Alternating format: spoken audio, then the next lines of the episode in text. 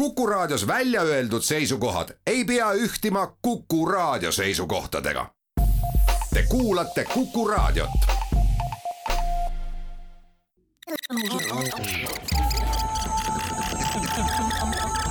digi,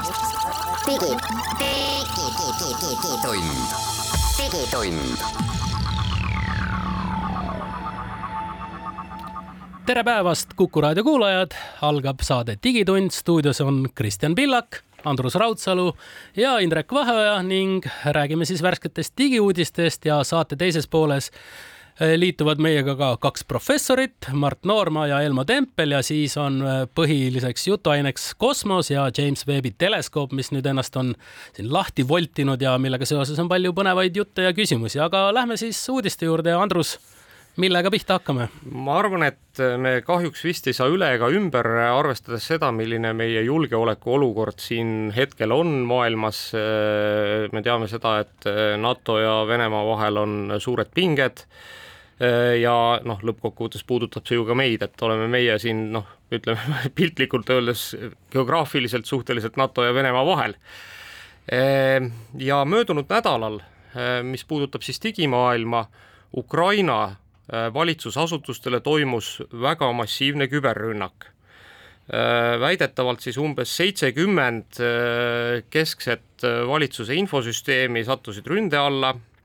ja enamus valitsuse servereid võeti rajalt maha, nii-öelda siis nendele pandi sinna äh,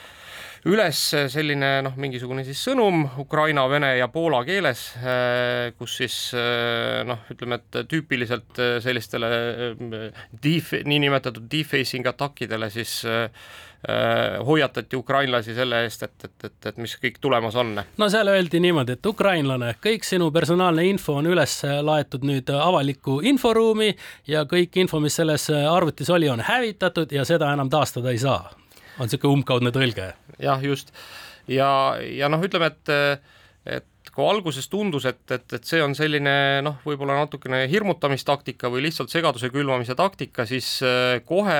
samal hetkel juba ikkagi küberturbespetsialistid ütlesid, et tihtilugu selline äh, suur rünnak äh, võib olla tegelikult kattevari mingisuguse muu pahategevuse tegemiseks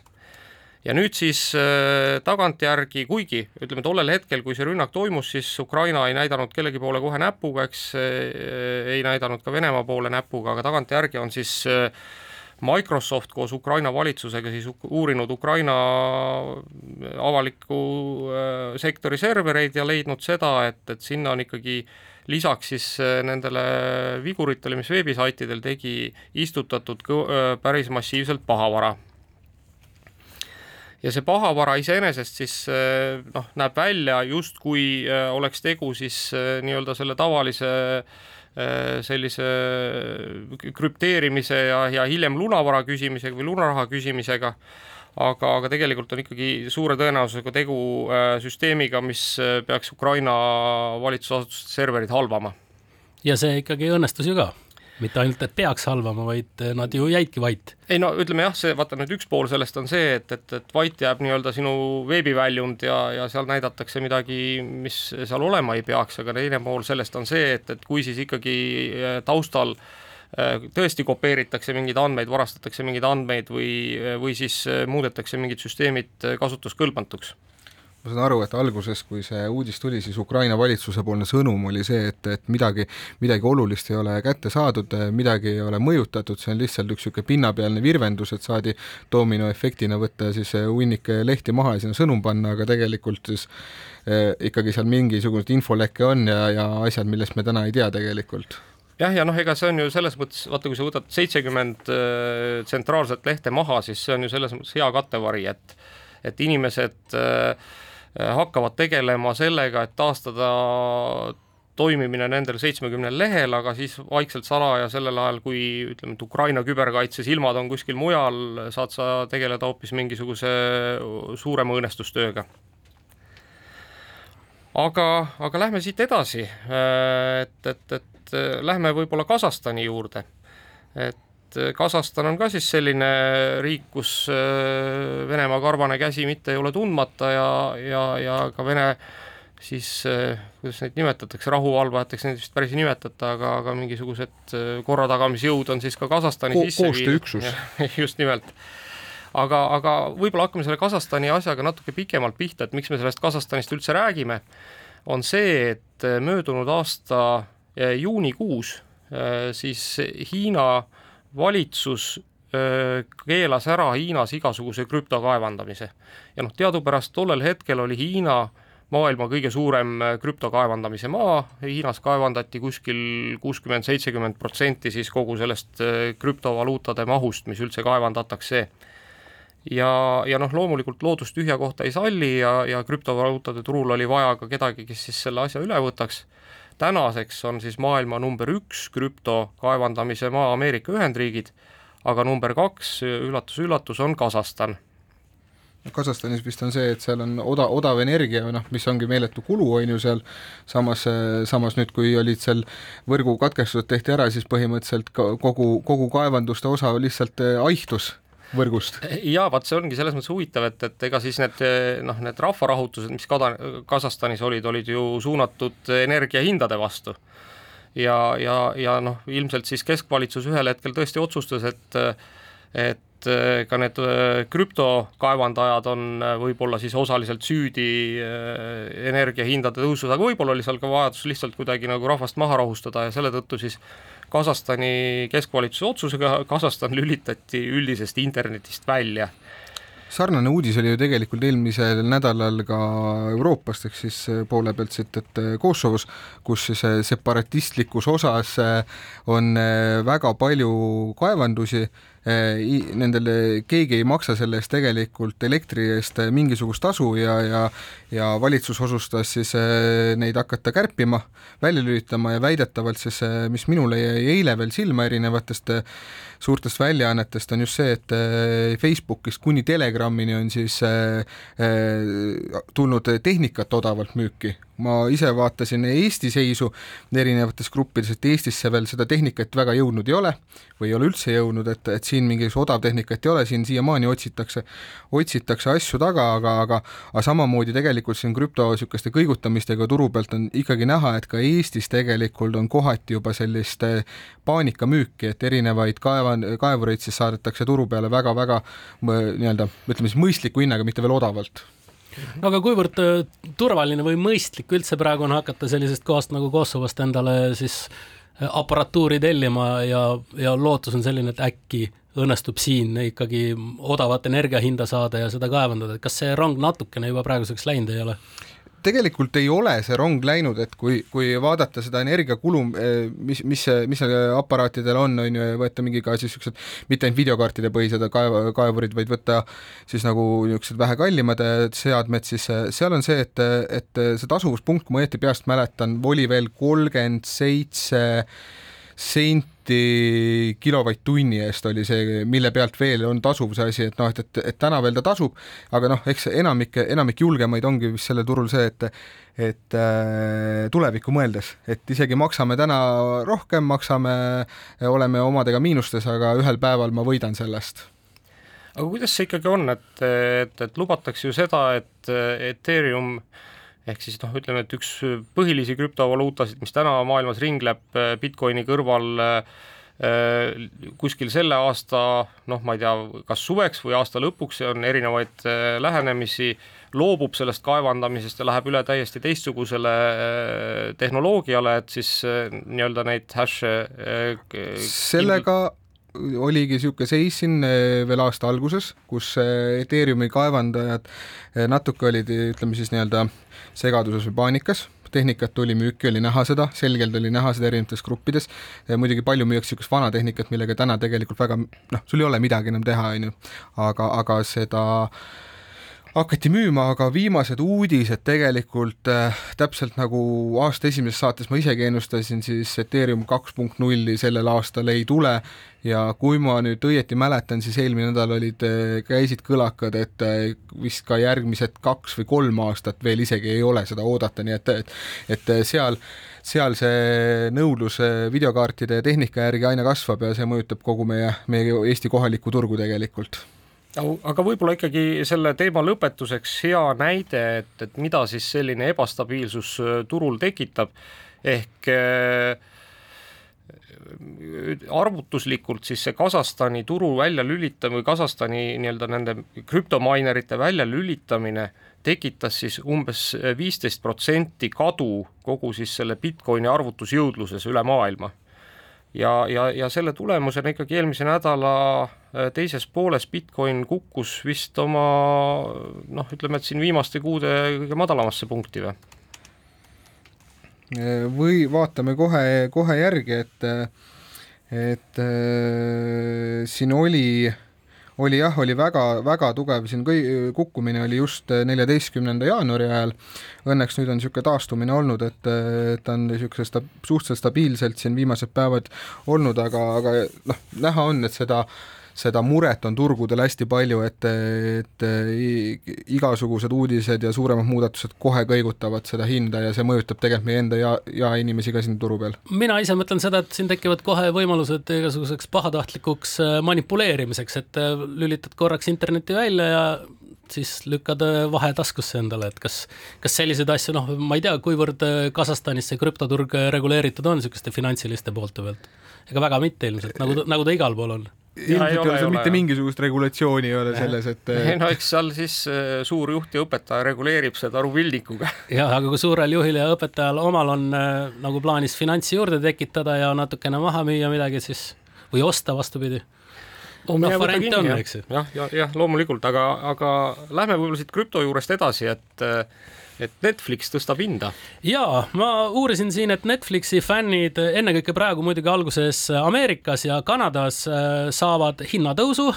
ja kõige odavam pakett, mis siis maksis üheksa dollarit või noh, õigem oleks öelda kaheksa üheksakümmend üheksa, tõuseb nüüd siis dollari võrra üheksa üheksakümne üheksa peale ja noh, seal keskmine plaan tõuseb siis üks viiskümmend kuus ja kõige kallim plaan, premium siis tõuseb kaks dollarit ülespoole, üheksateist üheksakümmend üheksa ja ja no inimesed on muidugi pahased, et kuigi Netflix on siin kuskil eh, no circa aasta tagant neid hindu tõstnud, aasta kuni poolteist on vahet, et mis need hinnatõus on olnud, siis inimesed on ikkagi väga-väga tige ägedad ja noh, kui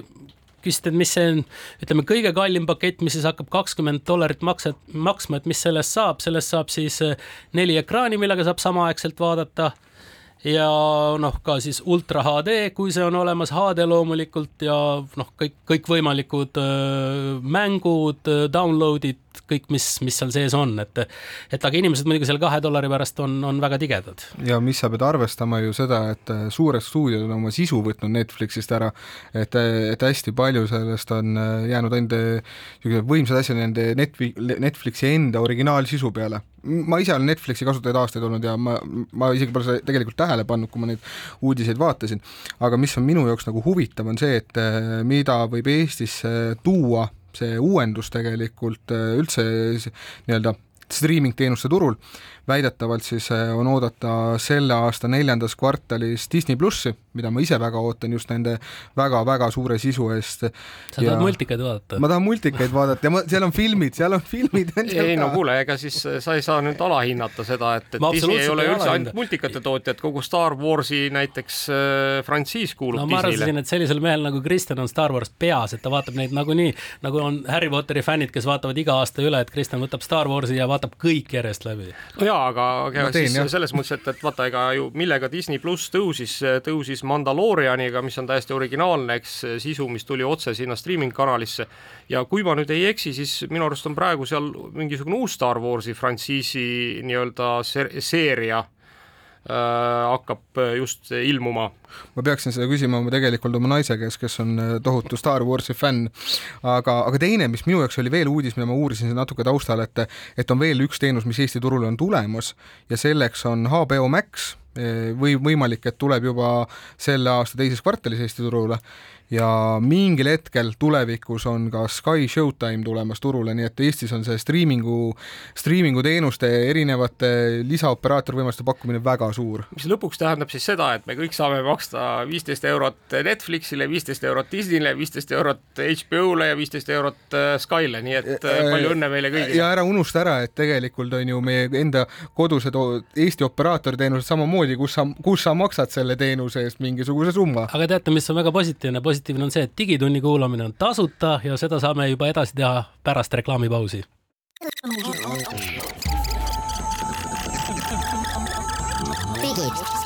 digitund, digitund tere tulemast tagasi kuulama Digitundi, stuudios on Kristjan Pillak, Andrus Raudsalu ja Indrek Vaheoja ja jätkame siin nüüd värskete digiuudistega ja Apple'i fännboi Eestis üks suuremaid, Andrus Raudsalu, et mis siis Apple meile lubab? kuule, ma tahan, ma tahan kõigepealt kõigile soovida palju õnne, sellepärast et äh, möödunud nädalal siis täitus ikkagi üks tähtis äh, verstapost. Äh, mis te arvate, kui vanaks iPhone sai? No ma ei oska siin näidelda, ütlen ära, et ma tean, et viisteist aastat. ja kujutate ette, et, et tegelikult ise ka ei usu, et, et, et iPhone on juba viisteist aastat meiega olnud. kas sul oli kõige esimene iPhone ka? oli ja, ja, ja tuleb tunnistada, et, et mind väga paljud narrisid selle pärast, eriti Mait Ahvenau, eks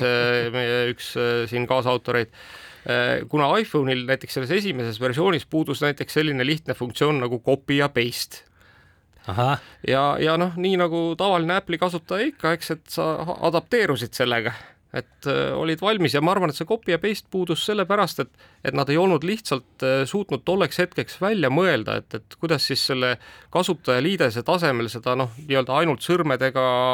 niisugusel äh, ekraanil ringi liikudes copy ja paste'id teha. noh, ütleme, et te, tegelikult kui me nüüd mõtleme, eks, et kui palju siis see asi on arenenud ja kuhu ta tänaseks on jõudnud, siis need sammud on ikka tohutu suured. ja see, kuidas äh, iPhone on, on, on muutnud nagu ikkagi äh, ma arvan, et mitte ainult ühtede tööstusharu, vaid, vaid noh, väga paljusid tööstusharusid ja meie kõigi elu, et, et see on ikkagi märkimisväärne. aga kui palju sa selle esimese iPhone'iga, Andrus, said selliseid noh, ütleme tööasju teha või, või nii nagu praegu toimetad oma iPhone'iga? Äh, tead, väga palju, ütleme nii, et ma olin nutitelefoni kasutaja juba ennem seda, sellepärast et ennem esimest iPhone'i olid ju olemas Nokia kommunikaatorid ja olid olemas Microsofti erinevad niisugused telefonid, on ju. BlackBerry vist oli ka juba või? Äh, BlackBerry oli ka olemas, aga seda vist Eestis ei olnud saada ja, ja mina olin, olin neid mikro, Microsofti telefone ikkagi kasutanud ja, ja, ja noh, ütleme, et ma olin juba tollel hetkel ikkagi tegin mingisuguseid märkmeid endale telefoni ja pidasin kalendrit telefonis ja noh, ütleme, täna ikkagi see, et, et sa võtad taskust nii-öelda oma kalendri välja ja vaatad, mis sul järgmine asi on ja, ja, ja kuhu sa pead minema või mida tegema, on noh, täiesti asendamatu. ma hakkasin oma peas just tagasi nagu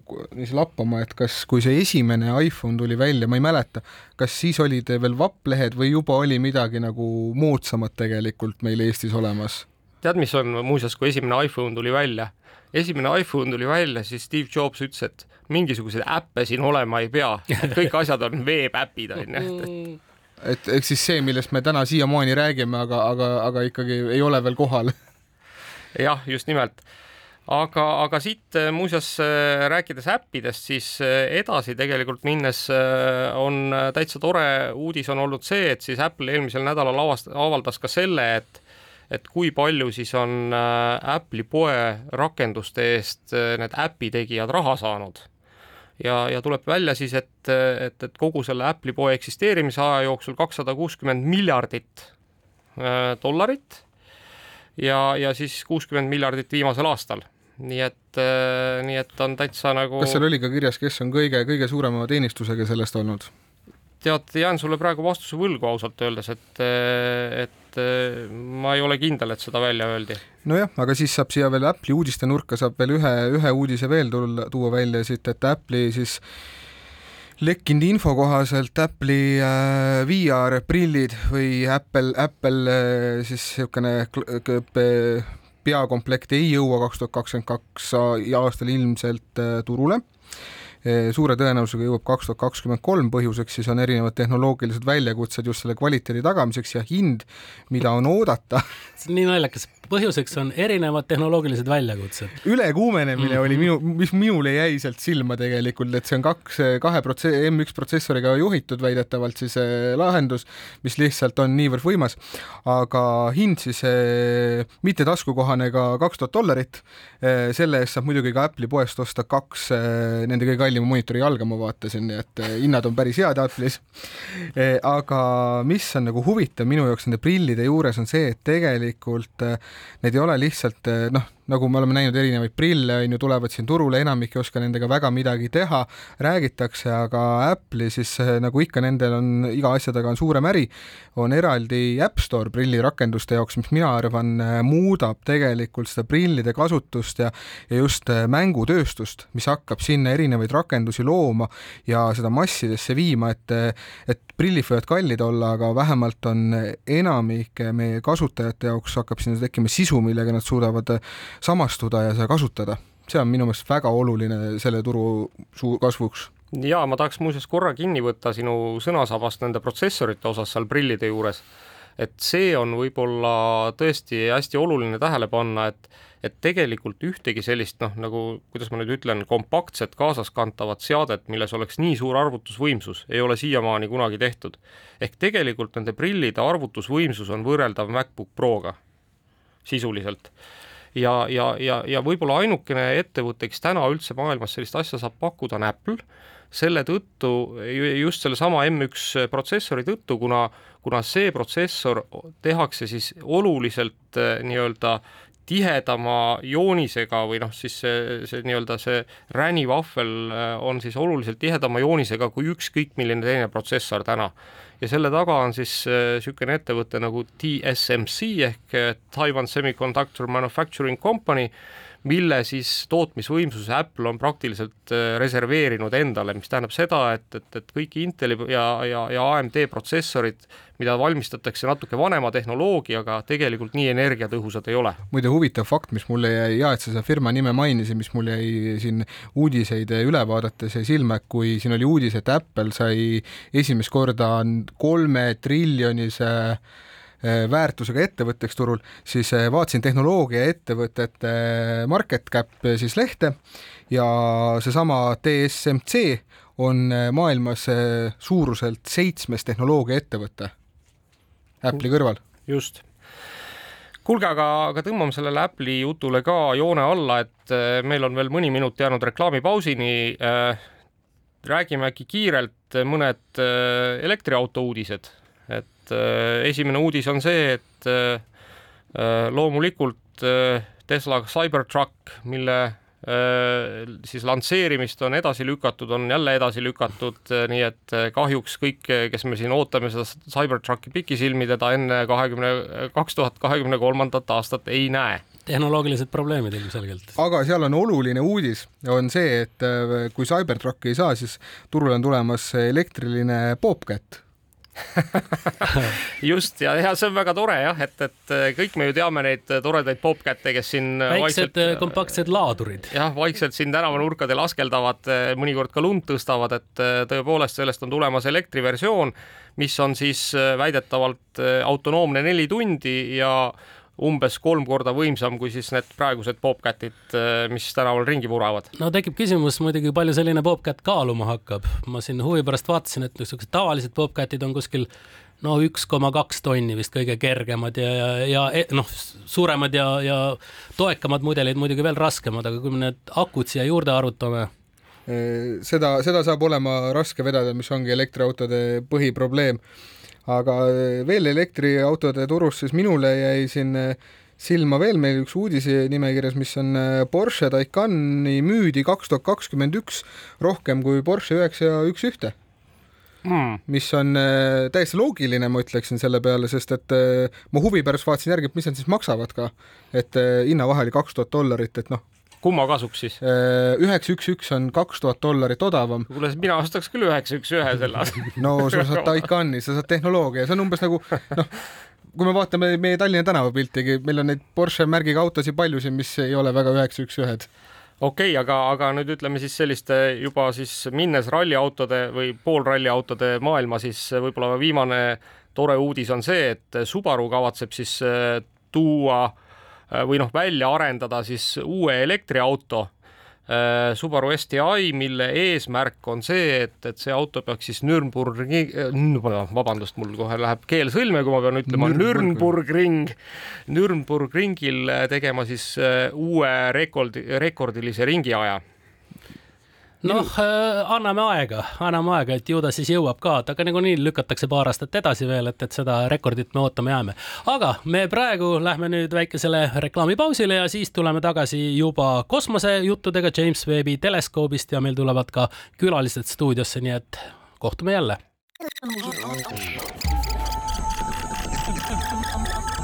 digid, digid, digitund, digitund. Tere tulemast äh, tagasi pausilt ja meil on stuudios äh, Andrus Raudsalu, Indrek Vaheoja, Mait Tahvenau ja oleme kutsunud endale ka kaks külalist. Mart Noorma, kosmosetehnoloogia professori ja Elmo Tempeli, astronoomia professori ja meie järgmiseks teemaks on James Webbi teleskoop, et äh, proovime natukene selgeks teha, millega on tegemist, et me kõik oleme kunagi näinud James Bondi filme, kus on taevas mingid vägevad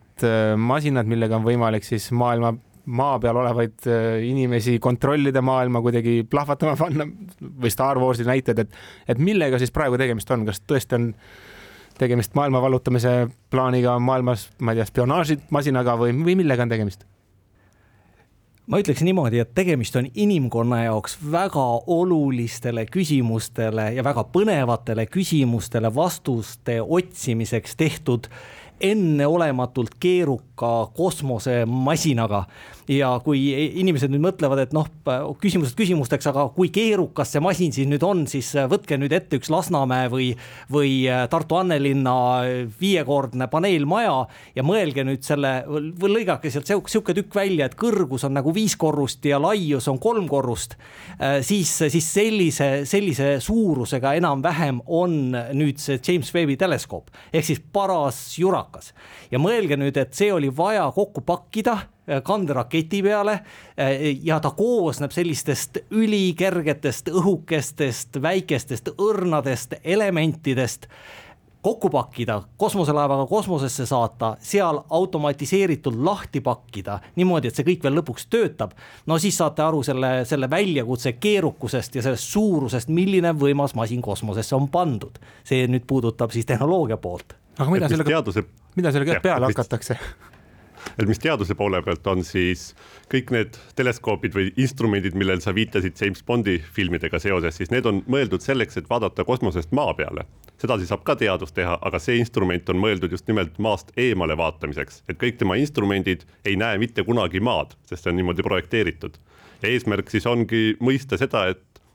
kus me siin universumis oleme, kas me oleme siin üksi ja noh, võib-olla on väike õhkõrn lootus, et ehk saame teada, kas on veel nii-öelda elukõlbulikke planeete olemas universumis. ja kui me ajaloos tagasi vaatame, siis kes oli esimene, esimene inimene, kes vaatas mingi abivahendi abil tähti ja kosmost? kõik, kes on käinud hiljuti äh, Tartus Vanemuise etendusel Galilei, need saavad, teavad täpselt, mida see tähendab, sest tema oli just see mees, kes esimesena pikksilma kosmose poole pöörus, pööras ja nagu etenduses väga kenasti öeldi, kogu maailm oli šokeeritud, sest ta, ta näitas, et seal ei ole kohe äh, taevast nagu paradiisi mõttes taevast kohe siin pilvede kohal, vaid seal on tähed ja need tähed ja planeedid ja nad seal midagi teevad. praegu inimkonna jaoks ei tule sellist šokki, sest me juba teame, et kosmos ulatub väga kaugele, me teame, et ta ulatub kaugemale, kui me näeme. ja nüüd selle teleskoobi abil me siis oma, oma horisonti laiendame veel oluliselt, nii et saame väga palju põnevaid asju teada oma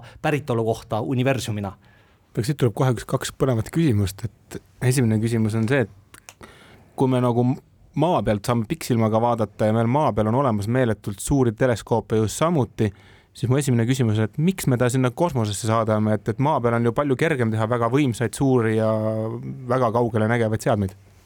et kõige olulisem põhjus on maa peal olev atmosfäär et see atmosfäär on küll nii-öelda eluks väga oluline, aga vaatluste koha peal on ta üks väga segav faktor, et sellest tuleks lahti saada. Ja atmosfääri eemaldamine on tehnoloogiliselt veel keerulisem kui teleskoobi kosmosesse saatmine, et seetõttu ta ongi sinna kosmosesse saadetud, et saaks atmosfäärist lahti ja siis seal saaks teha nii-öelda rahus vaatluseid, ilma et see atmosfäär meid segaks okei okay,, aga teine küsimus on see, et mis me nende potentsiaalsete teadmistega võiksime üldsegi peale hakata, et, et me avastame, et äh, kuskil kaugel miljardi kilomeetri kaugusel on vägev soe planeet või, või põnev galaktika, et, et mis me sellega teha võiksime või mis sealt tulla võiks? ma arvan, et äh, alustada tuleks küsimusest, et äh, kas me oleme siin universumis üksi ja et sellele küsimusele vastust saada, me peame kõigepealt mõistma seda, et kuidas on tekkinud Maa, kuidas on tekkinud meie päiksesüsteem, meie enda galaktika ja siis kuidas ta üldse seal universumis asub, et millises kohas ja piirkonnas ja et kas teisi selliseid süsteeme võib veel kuskil olla, et, et see nii-öelda on see küsimus, millele see James Webb aitab vastuse anda, et kuidas on tekkinud meie enda galaktika ja kas selliseid süsteeme on veel kuskil ehk siis äh, me võime selle masinaga vaadata ajas tagasi, see on selline, selline keeruline asi, ma arvan, et äh, tava, kõik Eesti raadiokuulajad kindlasti saavad aru, kui ma ütlen, et mida kaugemale me vaatame, seda kaugemale ajas me tagasi vaatame no ütleme ausalt, ma usun, et väga paljude jaoks see asi jäi ka natuke keeruliseks, et võib-olla oleks vaja ülikoolis füüsikat õppida, et sellest paremini aru saada, aga ei ole tähtis. uskuge meid, kui me ütleme, et, et kosmoses kaugemale vaatamine tähendab tegelikult ka ajas rohkem tagasivaatamist universumi alguse poole. aga lisaks sellele, mis Elmo ütles, on ju ka tähtis see, et see, see teleskoop võimaldab näiteks vaadata eksoplaneetide atmosfääre ja kui me oleme juba ammu rääkinud, me leidsime umbes kolmkümmend aastat tagasi esimesed planeedid teiste tähtede ümber, eksoplaneedid eksoplaneedid, siis me leidsime maa suurused äh, eksoplaneedid ja nüüd me hakkame lõpuks, meil on vaatlusvõimekus, mis võib-olla lubab juba selliste suuremate planeetide atmosfääri koostist äh, mõõta. Ja kujutage nüüd ette, kui me detekteerime seal gaase, mis võivad olla tekkinud ja võib-olla ainult tekkinud äh, sellise elu tagajärjel nagu maa peal, no see on midagi täiesti uskumatut, mida me võime seal mõõta, aga asi läheb veel põnevamaks, lisaks me võime selle teleskoobiga ju vaadata ka objekte päikesesüsteemis süsteemis äh, kaugemal, kaugemal, lähemal ja me saame vaadata ka objekte, mis näiteks tulevad kiiresti ja lähevad kiiresti päiksesüsteemist jälle välja, sest see on üks nüüd äh, uus asi, mis sellel teleskoobil on võrreldes vanas, varasema, varajasematega, et teda on võimalik suhteliselt kiiresti ümber programmeerida, ümber suunata ja kujutage, et tuleb mingi objekt väljaspool päiksesüsteemi ja sõidab läbi päiksesüsteemi, äkki me tahaks talle pilgu peale visata, et paremini aru saada, kellega, kellega ja, või millega on seal tegemist või siis mõni asteroid kihutab liigutab maa poole, me ta avastame, meil on vaja täpsemat mõõteriista, et aru saada, mis seal toimub. võib-olla ka selliseks rakenduseks loodame, et seda küll ei lähe vaja, aga võiks siin abi olla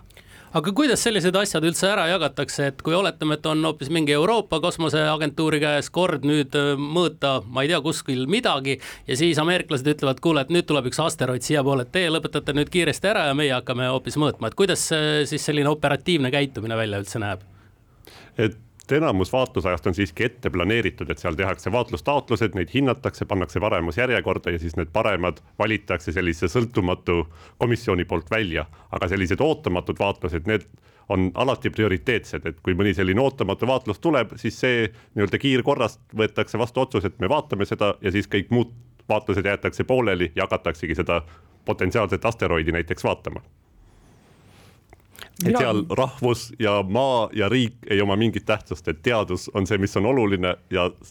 ja sellest lähtutakse. ma, ma küsiks kohe siia otsa, et, et, et kas kuskil äh, on ka see nimekiri nendest äh, siis planeeritud vaatlustest juba avalik äh, või see käib kuskil salaja kabinetivaikuses? noh, mind isiklikult just huvitab see, et, et kas ikkagi neid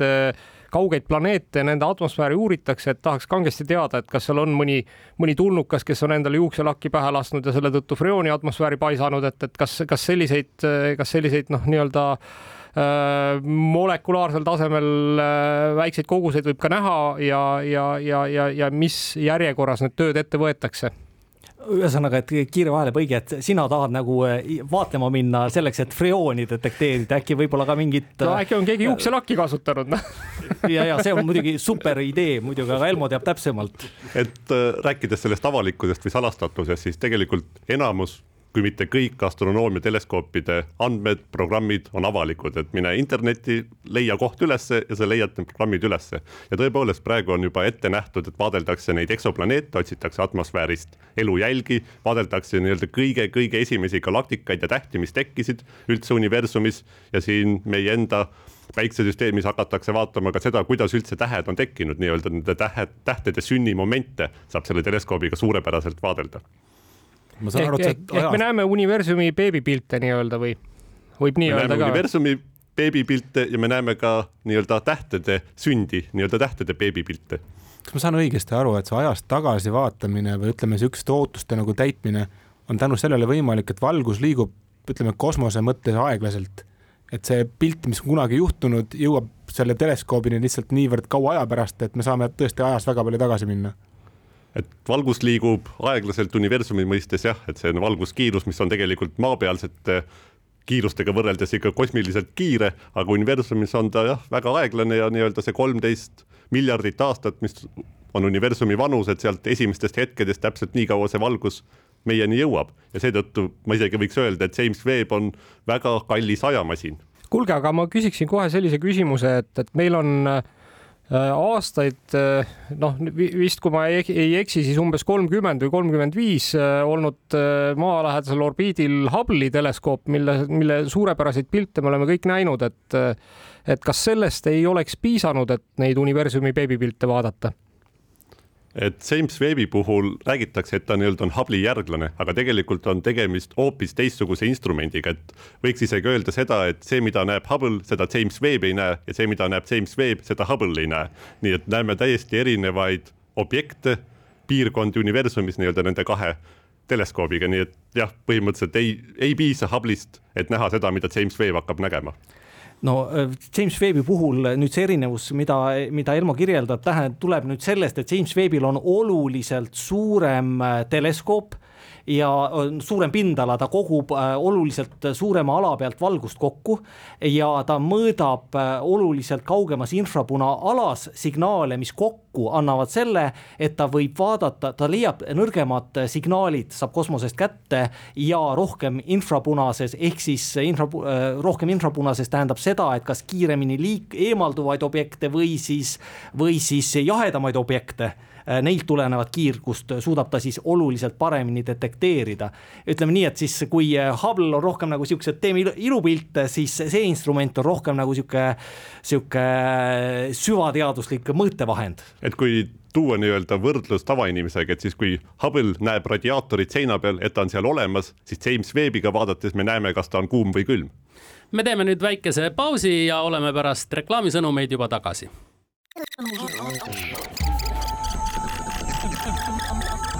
digitund,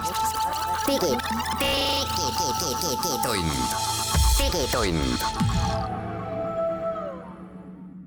head Digitunni kuulajad, tere tulemast tagasi saatesse. stuudios on Andrus Raudsalu, Mait Tafenau ja Indrek Vaheoja ja meil on selles äh, saatelõigus ka kaks äh, külalist.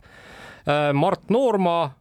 kosmosetehnoloogia professor ja Elmo Tempel, astronoomia professor. me rääkisime eelmises saatelõigus James Webbi tele, teleskoobist ja nüüd võiks tulla korraks selle juurde, et, et see James Webbi teleskoobi ehitamine on olnud üks väga pikk ja, ja, ja keeruline protsess. ma vaatasin natuke ka ajaloolisi andmeid, et, et esimest korda siis plaaniti James Webbi teleskoop äh, kosmosesse saata kahe tuhande kümnendal aastal ja, ja, ja siis tema ehitusmaksumuseks oli hinnatud miljard dollarit Äh,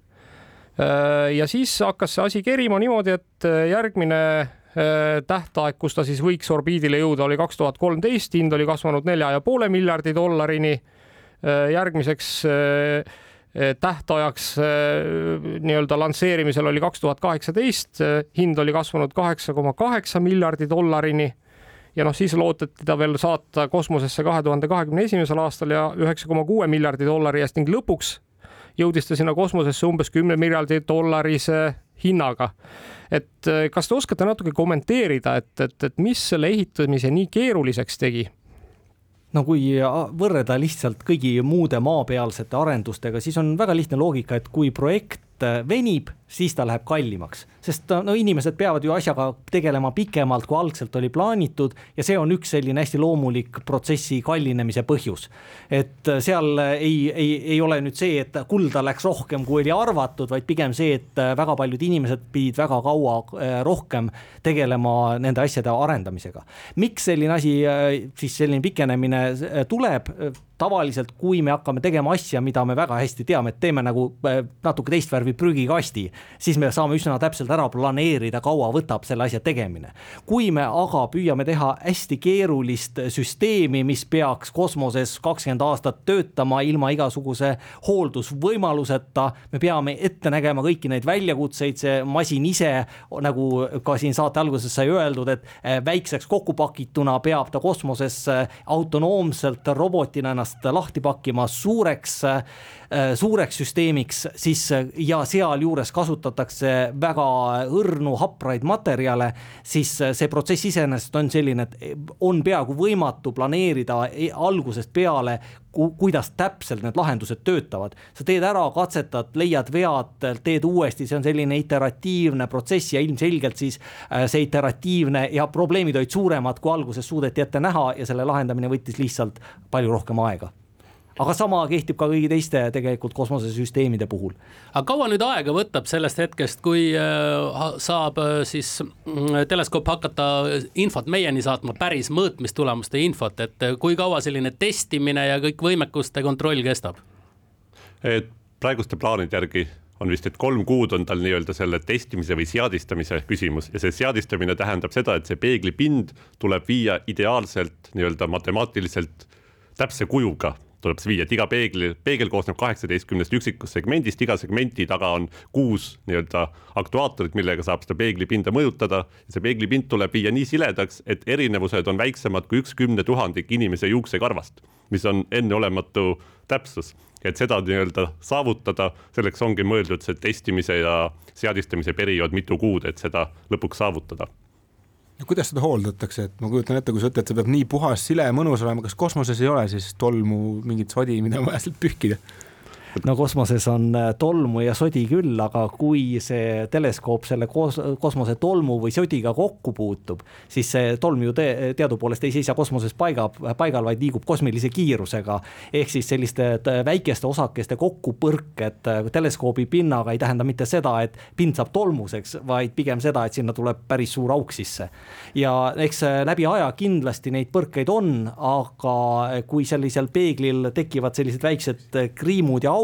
siis äh, see ainult natukene vähendab võimekust, mitte otseselt ei vii kogu süsteemi äh, rivist välja aga mul on selle koha pealt üks kohe põnev järgmine küsimus, et äh, kuidas see masin seal orienteerub kogu selle masinavärgi keskel, et, et nagu ma ei tea, kas tegemist on nagu isesõitva autoga, kes siis jälgib, et näed, nüüd see meteoriit läheneb ja ta oskab sellest siis kuidagi planeerida selle põrke ärahoidmiseks midagi või kuidas see, kuidas seda juhitakse, kuidas seda hallatakse?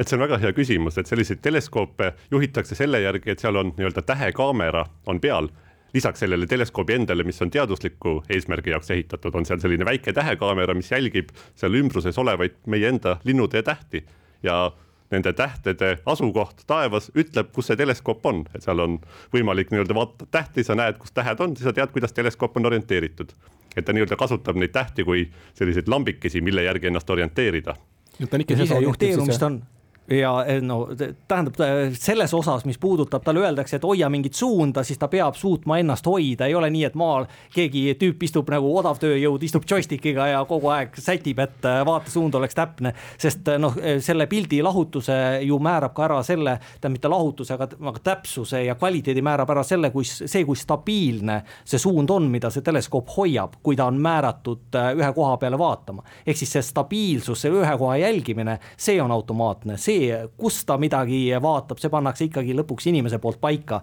see vaatlusprogramm. Aga me korraks rääkisime sellest peeglist ka, ole, noh, me oleme kõik kursis sellega, et seal on kulda kasutatud selleks, kas kuld on ütleme sellise peegli kattematerjaliks parim asi või, või oleks mõni muu metall veel parem, aga see näiteks, ma ei tea, ei püsi seal peal nii kergelt ja lendab kiiresti minema et see kuld on tõesti kõige parem, et kui vaadata seda James Webbi teleskoopi, siis ta nii-öelda särab nagu kuld, et on peegel täiesti kollane või kuldne. ja põhjus on selles, et see James Webbi teleskoop on siis nii-öelda soojuskiirgus või infrapunakiirguse vaatlemiseks mõeldud ja kuld, kulla omadused on sellised, et ta peegeldab infrapunakiirgust väga hästi ja seetõttu nii-öelda ongi ta sellise saja nanomeetri paksuse kullakihiga kaetud, ehk siis kogu selle suure peegli katmiseks läks ainult paar grammi kulda, nii et tegelikult see kulla kogus on seal küllaltki tühine kogumaksumuses kuulge, aga, aga mul, mul tekib selle peale kohe selline küsimus, et, et me kõik oleme näinud ulmefilmidest seda, et kui keegi on noh, ütleme siis mõnel tundmatul planeedil ja, ja siis äh, see tundmatu planeet hakkab keerama oma nägu sinna selle päikese poole, mille ümber ta keerleb. et siis hakkab seal planeedi pind keema ja noh, juhtub igasuguseid asju ja noh, tavaliselt on sellega seotud äh, igasugused katastroofid, et, et kas äh, kas nüüd James Webbil ei ole seda probleemi, et, et, et kui päike talle peale paistab, et, et, et siis äh, noh, see päikese kiirgus on nii intensiivne, et seda muud soojuskiirgust sealt universumist üldse ei ole võimalik näha ja just täpselt äh, see omadus, see, see vajadus, et me peame hästi külma, külma, külma objekte ehk siis hästi kauget infrapunakiirgust mõõtma ja väga nõrke signaale. see on olnud ka James Webbi disaini, äh, kosmosetehnoloogias öeldakse design driver ehk siis see põhimõte, millest äh, disaini ülejäänud elemendid siis lähtuvad ja joonduvad ja, ja sellepärast, et saaks hoida teleskoobi peeglit ja sensoreid äh, külmas, võimalikult külmas, e-, ei saa äh, päike neile peale paista. ehk lihtsalt teadmiseks, inimesed võivad arvata, et äh, siin poolteist miljonit kilomeetrit äh, maast eemal, veel päiksest kaugemal, et seal on kosmos on külm, seal on külm, aga tegelikult äh, noh, seal on peaaegu sama soe nagu maa peal, kui me paneme, kui maa peal päike meile peale paistab. nii et see, seal on külm ainult juhul, kui päike peale ei paista, kui sensor ja peegel on varjus. aga samal ajal peab teleskoop saama ju kuskilt elektrit, ta peab saama päikesepaneelide kaudu toota päiksevalgusest siis elektrit, mille abil saab süsteeme käigus hoida ja nii nii tulebki tegelikult päris mõnus olukord, et üks pool, kus on päiksepaneelid, peab kogu aeg vaatama päikest ja teine pool, kus on teleskoop, peab olema kogu aeg päikesest peidus ja siis äh, selleks sobilik orbiit ongi seal, kus ta siis praegu on. Äh, sõidab maaga kaasa ümber päikese niimoodi, et ta seal äh, Lagrange'i punktis liikudes ka kunagi ei jää otseselt maa ega kuu varju päikese eest, sest kui ta varju jääks, siis jälle tekiks, tekiks energiakadu, sest päiksepaneelid ei saa jälle elektrit toota. kas James Webbi teleskoobi juures on kasutatud äh, analoogset tehnoloogiat ka, mida näiteks S-Cube'ide peal on testitud? Kosmoses on kõige keerulisem teha selliseid mehaanilisi äh, asju, mingit äh, roboteksperimente, liikumist, sest kosmoses näiteks kasvõi kuullaager toimib hoopis teistmoodi, kui ta toimib maa peal, näiteks mingisugused Davoti pilti ei saa seal kasutada, ta hauru, aurustub seal vaakumis lihtsalt ära ja nii edasi, sellised väljakutsed. nii et äh, S-Cube ühe peal me ju püüdsime ka katsetada selle elektrilise päikesepurje äh, viiekümne mikromeetrise läbimõõduga traatist tehtud struktuuri väljakerimist, mis oli keeruline mehaaniline eksperiment. nii et kui äh, me vaatame nagu kõiki kosmoselaevu, sealhulgas S-Cube ühte või siis James Webbi teleskoopi, siis selle, selle süsteemi põhi alamsüsteemid on ju kõik enam-vähem samad. vaja on pardaarvutit, vaja on suunamääramissüsteemi, vaja on suuna hoidmissüsteemi ja nii edasi. aga selle, see mehaaniliste süsteemide lahtipakkimine on küll tuttav asi Eesti, Eesti tudengitele tudengitele? Mul on üks niisugune põnev küsimus, et Digitunnis on väga palju räägitud 5G-st ja kõigest muust, et milline side on nüüd äh, nii kaugel asuva satelliidiga,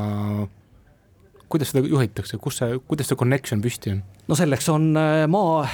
missiooni maajuhtimisjaam, raadiosidejaam, kus siis äh, satelliidiga ühendust peetakse. Ja antud juhul on siis, äh, kui me nüüd mõtleme, meil on satelliit on seal üks koma viis miljonit eemal, see teleskoop maa siin all keerleb, kui me vaataks teda ühest maapunktist, siis me ei saaks kogu aeg temaga sidet pidada, oleks vaja mitut maapunkti, kui me kasutaks selleks satelliitühendust,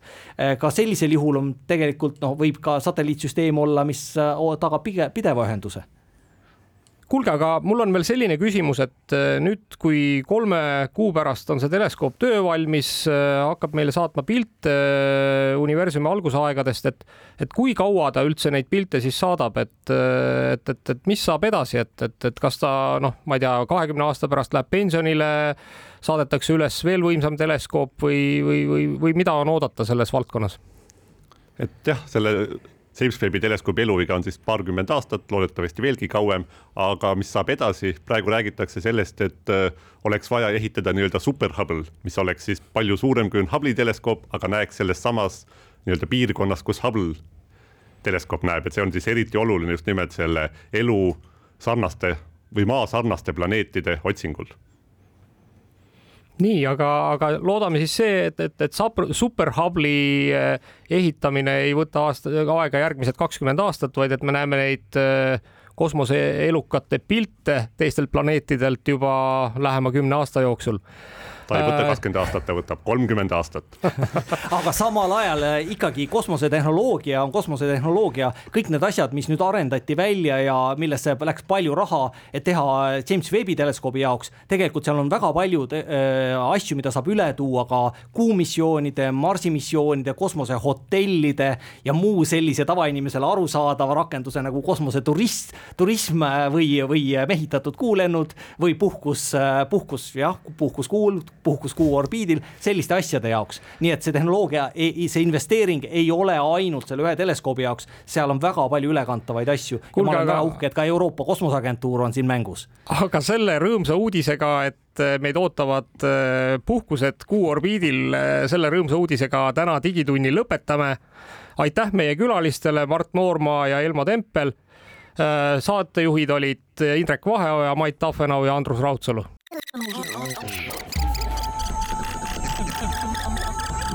Digi, digi, digi, digi, digitund, digitund